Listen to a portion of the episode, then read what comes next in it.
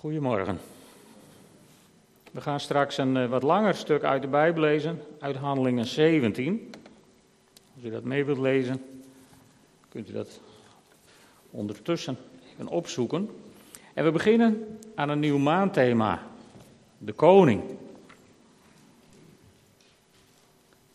We hebben uh, vorige maand gezien, stilgestaan, onder andere bij Jesaja 11, vers 1, dat er uit de tronk van Isaïe een telg of een spruit zal voortkomen, een scheut van zijn wortels die tot bloei zal komen. En we hebben vorige maand ook gezien dat die telg van David, die spruit, geïdentificeerd werd met de leeuw van Juda in Openbaringen 5, vers 5. De leeuw van Juda die de overwinning heeft behaald en daarom de boekrol mag openen, de zegels mag verbreken die je in openbaringen vindt. En toen hebben we daaruit geconcludeerd dat de leeuw van Juda ook alles wat er in het eind van de tijden over ons komt of met ons gaat gebeuren in zijn hand heeft. Wat we ook hebben gezien is dat de telg van Juda, de spruit, geïdentificeerd werd met de stralende morgenster die we vinden in Openbaringen 22 vers 16. Een titel die in het begin toebehoorde aan Satan, maar nadat hij uit de hemel werd gegooid, hebben we toen bij stilgestaan, is hij die titel kwijtgeraakt. En nu is Jezus Christus voor ons de stralende morgenster. En vandaag wil ik met jullie even stilstaan bij een vers uit Jeremia 23, vers 5. Daar staat: De dag zal komen, spreekt de Heer, dat ik aan Davids stam een rechtmatige tellig laat ontspruiten. Daar heb je dat beeld weer. Die als koning een wijs beleid zal voeren en die in het land recht en gerechtigheid zal handhaven.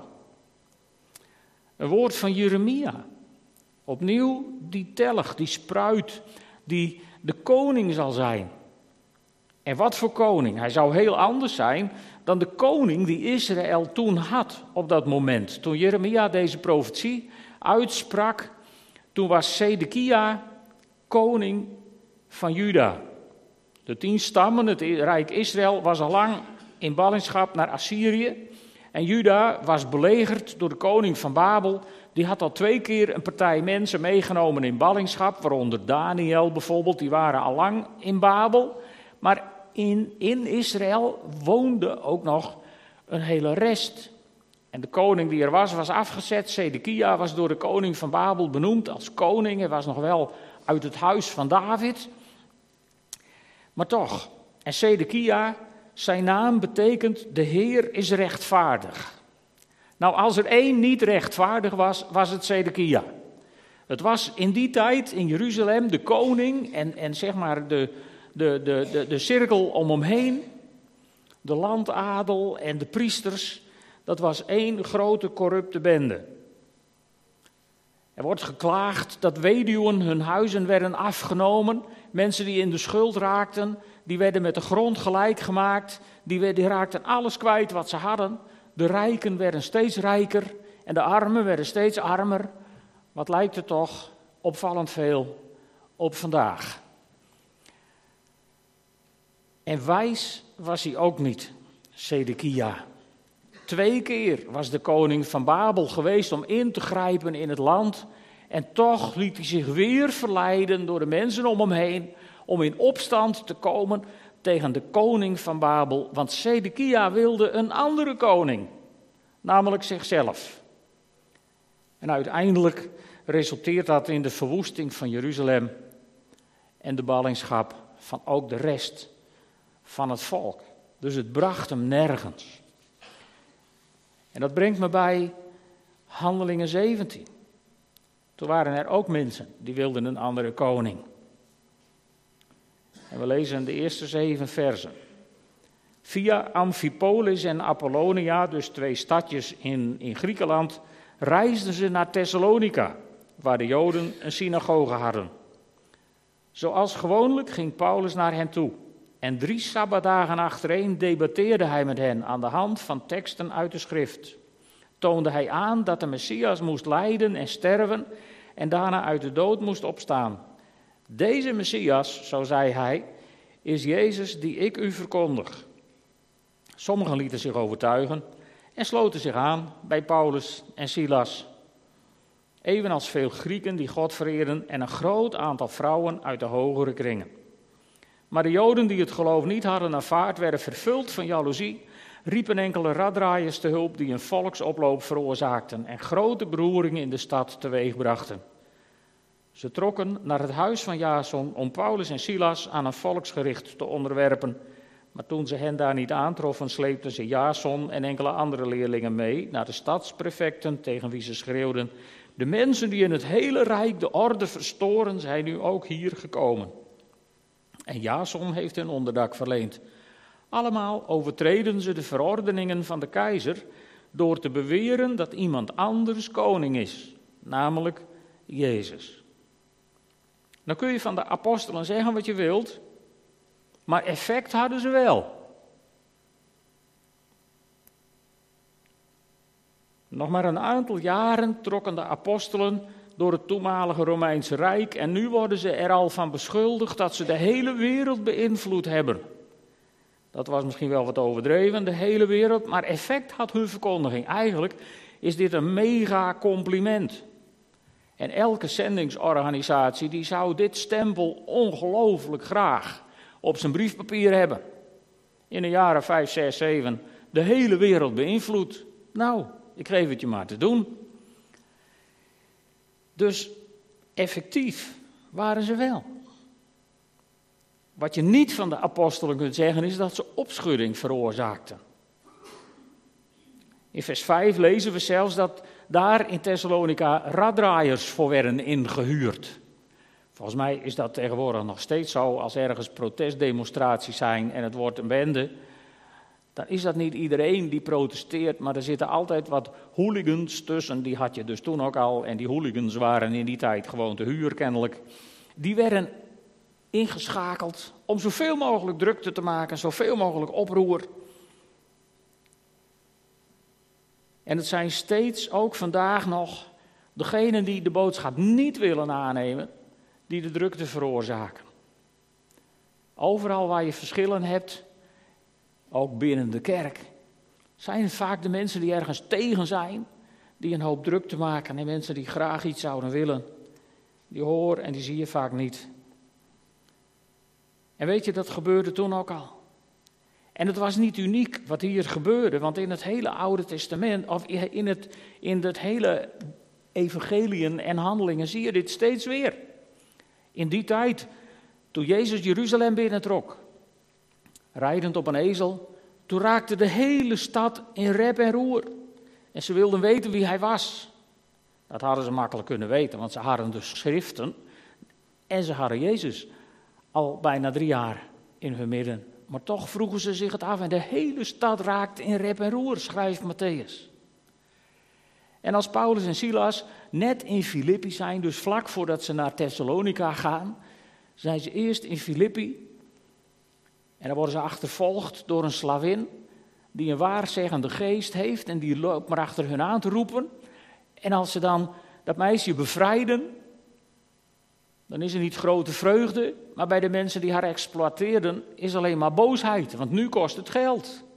En kom niet aan mijn geld. Je mag overal aan zitten, maar kom niet aan mijn geld. Was in Filippi ook al zo. Dus de hele stad raakt in rep en roer. En waarom? Omdat er een oproer wordt georganiseerd.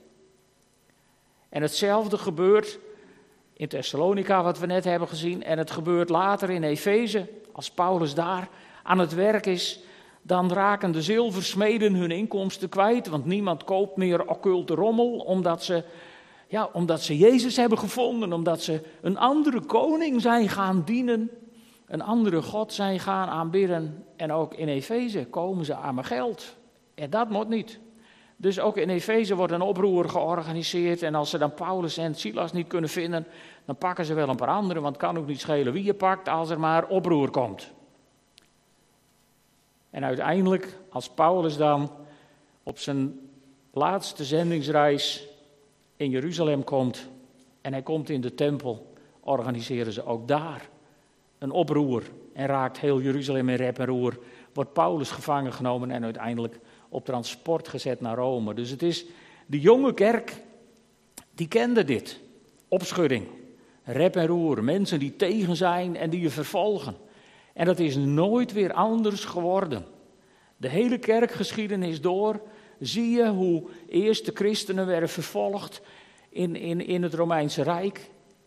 En toen de kerk staatskerk werd, toen zag je dat elke andersdenkende werd vervolgd door de staatskerk. Hoe is het in de wereld mogelijk? En vandaag, ja, vandaag is het niet anders in de wereld. Vorige week in de tienerdienst hebben jullie een filmpje gezien over mensen in India. Die in een opschudding werden vermoord om hun geloof. In Noord-Korea is het aan de orde van de dag. Als ze maar een bladzijde uit een Bijbel voor je vinden, dan kun je zomaar voor de rest van je leven in een strafkamp verdwijnen. In China is het ook niet veel anders. Een tijdje geleden stond er in de krant dat er een oude bisschop van de katholieke kerk in China was overleden, die bijna zijn hele leven in de gevangenis had doorgebracht om zijn geloof. In de Arabische wereld is het natuurlijk momenteel sowieso schering en inslag, vooral waar IS aan de macht komt, maar ook in heel veel andere landen waar IS nog lang niet aan de macht is. In Saudi-Arabië bijvoorbeeld mag je geen christen zijn. En maar synagoges bouwen in onze landen. Of uh, synagoges, uh, moskeeën bouwen in onze landen. Maar je kunt veel dichterbij blijven, weten jullie dat? In Bremen heeft in januari een predikant het lef gehad om in een preek te zeggen dat je als christenen helemaal niet mee kunt doen aan een gezamenlijk gebed met moslims, omdat wij andere goden aanbidden. En hij heeft in diezelfde preek gezegd dat het niet aangaat dat christenen voor de show Boeddha-beeldjes op de schoorsteenmantel of in de vensterbank hebben staan, omdat het afgodenbeelden zijn waar demonische machten aan zijn verbonden. En in de week daarna hebben de andere predikanten van Bremen een protestdemonstratie georganiseerd om Bremen even te laten zien dat ze zich hiervan distancieerden. Van je collega's moet je het maar hebben. En ondanks de scheiding van kerk en staat hebben de linkse partijen in de deelstaat Bremen vervolgens er politiek ook nog een afkeuring over uitgesproken. En lieve mensen, Bremen ligt hier een uurtje of twee, drie vandaan met de auto. Het is niet zo ver weg. En ik wil hier maar even zeggen dat ik het met mijn collega in Bremen hardgrondig eens ben. Dus misschien hebben we morgen in Drachten ook wel een oproer. Het zij zo. Maar weet je, het is zo dichtbij dat uitkomen voor je geloof steeds minder vrijblijvend wordt. Ik denk dat het ook in Nederland steeds minder vrijblijvend gaat worden om uit te komen voor je geloof. Als je ziet hoe het christelijk onderwijs onder de druk wordt gezet door allerhande andere wetgeving. Het verbod op godslastering is uit de wetgeving gehaald. Dus je mag tegenwoordig ieder geloof tot in het merg beledigen. En daar ben ik niet voor, ook niet om mensen van de islam of van andere religies te beledigen over hun geloof. Daarin zouden we een geweldig voorbeeld kunnen nemen aan Paulus, die door Athene loopt nadat hij uit Thessalonica is wegvlucht. En dan allerhande goden ziet. En weet je, Paulus houdt geen scheldreden. Paulus die maakt geen spotprenten. Paulus die zegt tegen de Atheners, ik heb gezien dat jullie geloven heel serieus nemen. En ik heb nog een nieuwe God voor jullie in de aanbieding. Jullie hebben namelijk iets met een onbekende God en die God die ken ik. En zo ging hij het geloof verkondigen. Zo kan het natuurlijk ook. Dus je hoeft andere mensen niet belachelijk te maken. Maar eh, als je andere religies niet belachelijk maakt, wil nog niet zeggen dat je vervolgens moet gaan beweren dat God en Allah en Boeddha en noem ze allemaal maar op, dat dat allemaal dezelfde God is en dat we uiteindelijk allemaal dezelfde God aanbidden. Ik geloof dat niet, want mijn Jezus heeft gezegd: Ik ben de weg, de waarheid en het leven en niemand komt tot de Vader dan door mij. Anders had Jezus wel gezegd: Ik ben ook een redelijk alternatief. Probeer mij eens. En dat heeft hij nooit over zijn lippen kunnen krijgen. Maar hebben wij nog de moed om het te zeggen? Want als je hiermee aankomt, het is mij alles verweten dat ik heel exclusivistisch ben. Dan denk ik, ja, heb je wel eens met een imam gepraat? Die zal nooit beweren dat Jezus de weg, de waarheid en het leven is. Maar het is niet meer vrijblijvend, omdat wij een andere koning dienen dan de wereld. En weet je, die wereld lijkt wel dieper doorgedrongen in de kerk dan de kerk in de wereld. Dat is heel apart. En, en ik zat te denken over een, een, een vergelijking. Want, want in de Bijbel heeft Jezus het over dat we het zout van deze aarde moeten zijn. Hè? En het zout, als je, als, je, als je een kip wilt braden, dan doe je daar zout op en kruiden, maar niet te veel, zodat het in de kip doordringt en dan, dan maak je hem lekker klaar en dan kun je heerlijk eten. Maar ik heb ooit eens een kip klaargemaakt in 5 kilo zout. In een houten kistje en toen in de oven. En je gelooft het of niet, maar het was verrukkelijk, de kip. Het zout diende nergens meer toe dan om weggegooid te worden, want de kip was diep doorgedrongen in het zout. Al het vet was daarin getrokken en het was één grote massa geworden en het, het diende nergens meer toe. En, en, en daar moest ik aan denken zo van, van, ja, als de wereld steeds dieper doordringt in de kerk, dan wordt het zout bedorven. Dan wordt het vies, dan wordt het vet, dan wordt het onbruikbaar. En dan kun je niks meer met de kerk. Dus ik geloof dat Jezus niet voor niks dat exclusivisme heeft neergezet toen hij zei: Niemand komt tot de Vader dan door mij. Met andere woorden, we hebben geen alternatieven. En dat brengt me dan, ja, dat brengt me dan terug bij de apostelen. Die worden er in Thessalonica van beschuldigd dat ze een andere koning dienen dan de keizer. Nou, dat was in de eerste eeuwen na Christus een thema van leven en dood. Want de eerste keizer die, die als God vereerd wilde worden, was keizer Augustus. Hij was de God van het Romeinse Rijk. En zo deed de aanbidding van de keizer deed zijn intrede. En wat werd er van christenen gevraagd vervolgens? Dat ze hun knieën bogen voor een beeld van de keizer. En de christenen die dat weigerden, die mochten optreden in het circus. Eenmalig. Het kostte je je leven. Het was een kwestie van leven en dood. Dus het is geen kleinigheid waar de apostelen hier van worden beschuldigd in Thessalonica. Tegen de wet van de keizer in verkondigen ze dat er een andere koning is, Jezus. En dat is heel boeiend. Want hoe is het eigenlijk met ons? Oh, dat is te vlug. Hoe is het eigenlijk met ons?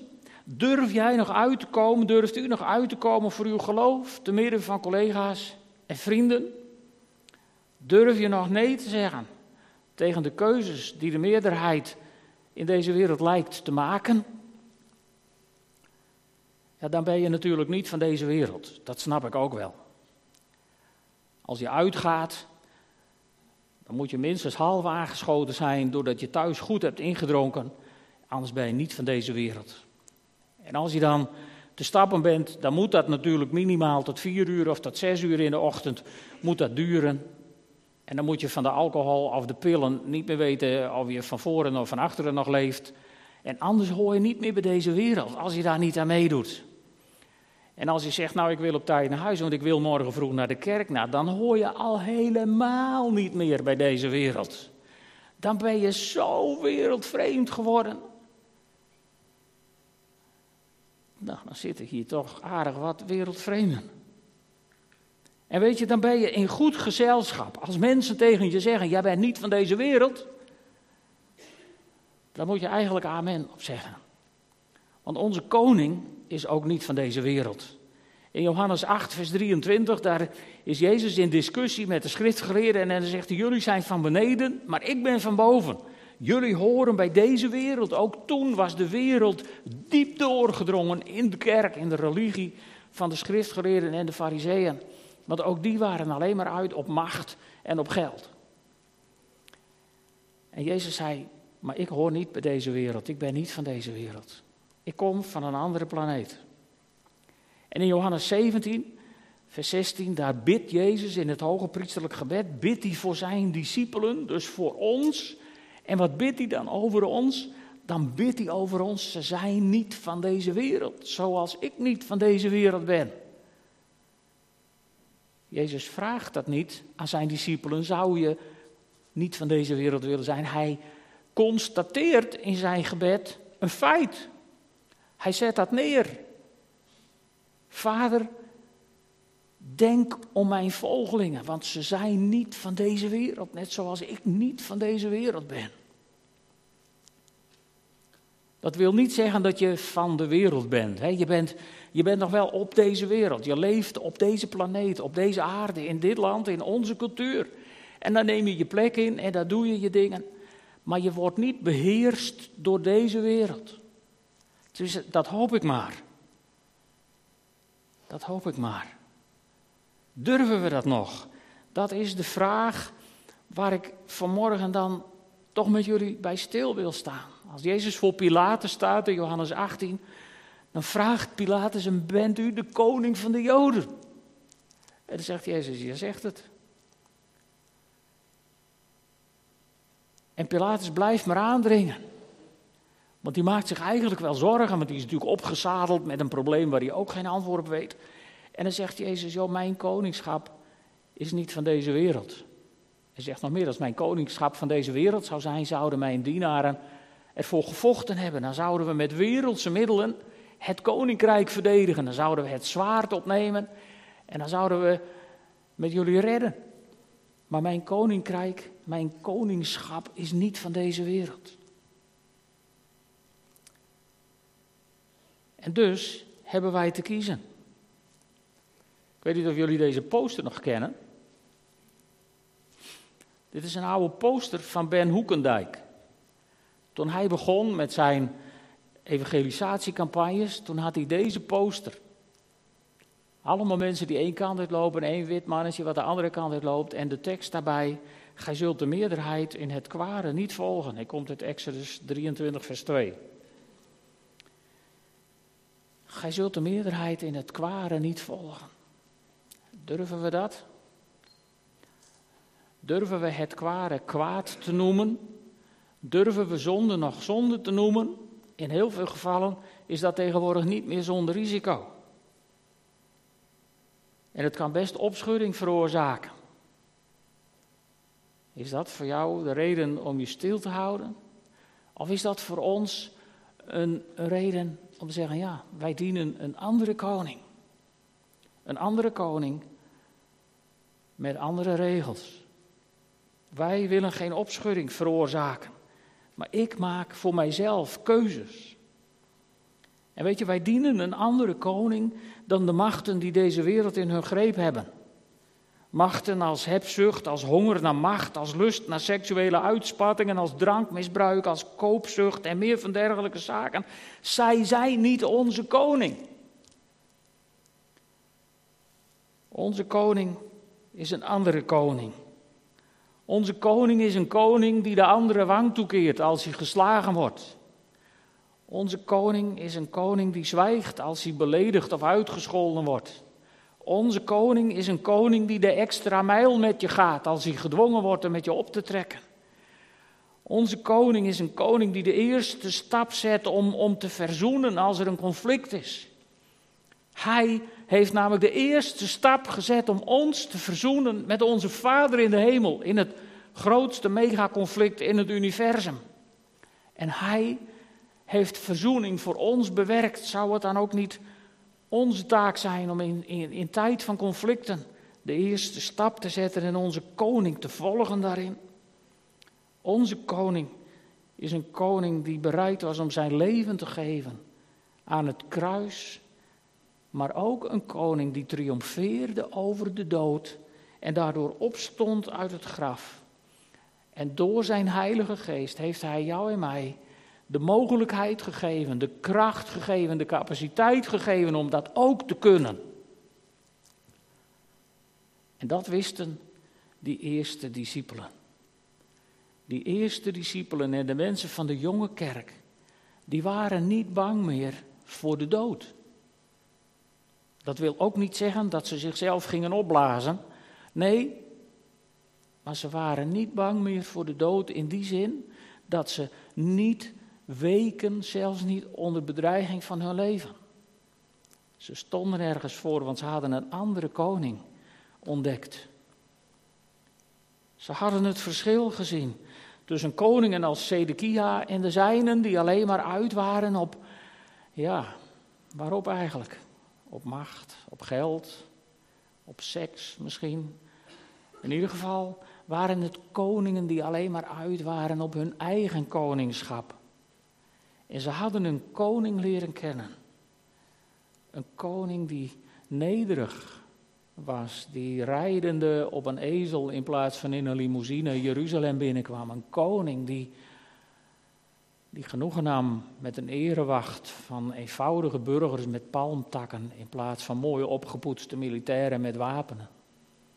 Een andere koning. Lieve mensen, wij worden opgeroepen om een andere koning als onze koning te accepteren, om onze knieën te buigen voor koning Jezus. En dat is de vraag waar ik mee wil eindigen. Als je je knieën buigt voor koning Jezus en je leven probeert in te richten volgens zijn regels, en dan kom ik niet met een boek vol wetten aan, want als je dat wilt, laat Hij zijn Heilige Geest wonen in jouw hart. En maakt Hij je duidelijk hoe Hij wil dat je je, leven inricht. Ben je bereid om daar naar te luisteren? Ook al vindt dan misschien je omgeving dat je niet meer van deze wereld bent. Dan maar niet, zou ik zeggen. Want wij dienen een andere koning. Amen.